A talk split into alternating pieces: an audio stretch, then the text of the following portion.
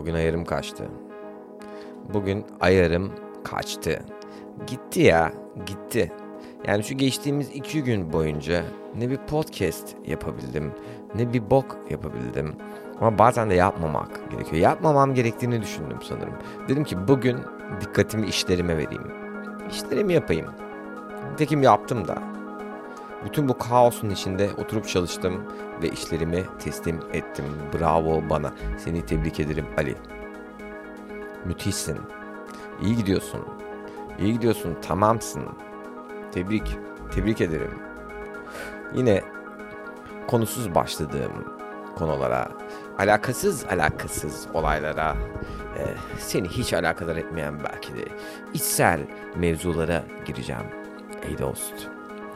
Bu içsel mevzular Karadeniz'deki bir balıkçının e, içsel mevzularıyla aynı şeyler mi acaba? Bilmiyorum. Belki de aynı şeyler. İşte burada e, yine benim entelektüel açıdan tıkanıp yani şöyle bir düşündüm. Dedim ki şimdi Karadeniz'deki balıkçı. Karadeniz'deki balıkçıyla benim aynı içsel şeyleri yaşıyor olmam için ne olması gerek? Eğer yaşamıyorsak bu niye? Bunun sosyal sebepleri neler? Bunun ekonomik sebepleri neler? Bunun kültürel, sosyo-kültürel sebepleri aslında doğrusu neler? Çünkü bu sosyo-kültürel sebeplerden dolayı olur olsa olsa. Yani o zaman şu soru geliyor. Var ya meşhur soru. Mesela bir başkasını alıp sana verilen tüm şartları verdiğinde tabii ki de bir başkası olacak. Ama yakın bir yoldan gider bence. Yani yakın bir yol dediğim sosyo-kültürel açıdan baktığında yakın bir yoldan gider. Yani Karadenizli abimiz aynı içsel şeyleri yaşıyorsa tabii. Bir de o da başka bir konu. O da hiç anlamadığım bir konu. Yani orada çünkü başka bir şeye oluyor. Başka bir şey yok. Ne bunu bilmiyorum. Tanımlayamadım. Gerçekten tanımlayamadım. Ne yani şu şudur diyemiyorum. Şu sebepten bu olmuştur diyemiyorum yani. Ee, ama why not olabilir. Hepimizin İsrail savaşları belki de aynı şeyler. Belki de hepimiz farklı şeyler için e, aynı şeyi hissediyoruz. Sadece konunun başlığı değişiyor. Hissi sonuçta hepimiz insan insanız mı? Çünkü bilmiyorsun. Yani birinin heyecan diye tanımlandırdığı şey e, ya da anlattığı şey e, tam olarak acaba senin de hissettiğin şey mi heyecan duyarken ya da korku.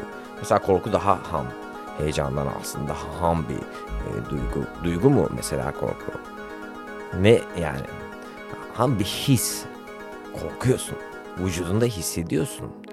Değişiyor anladın mı? Hormonal düzenin değişiyor. Aynı şekilde her halinde hormonal düzenin değişiyor. O zaman da neye geliyor? Verdiğim tepkiye geliyor sanırım. Verdiğin tepki peki neye geliyor?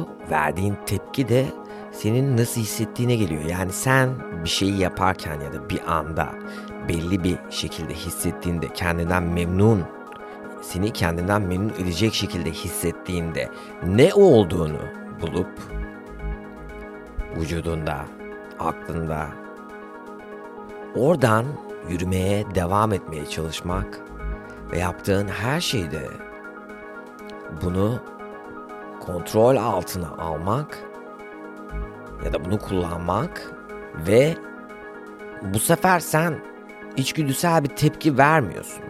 Bu sefer çünkü sen bunu yaptığında bir tercihte bulunuyorsun. Bunu kontrolün altına alıyorsun aslında nasıl hissettiğini.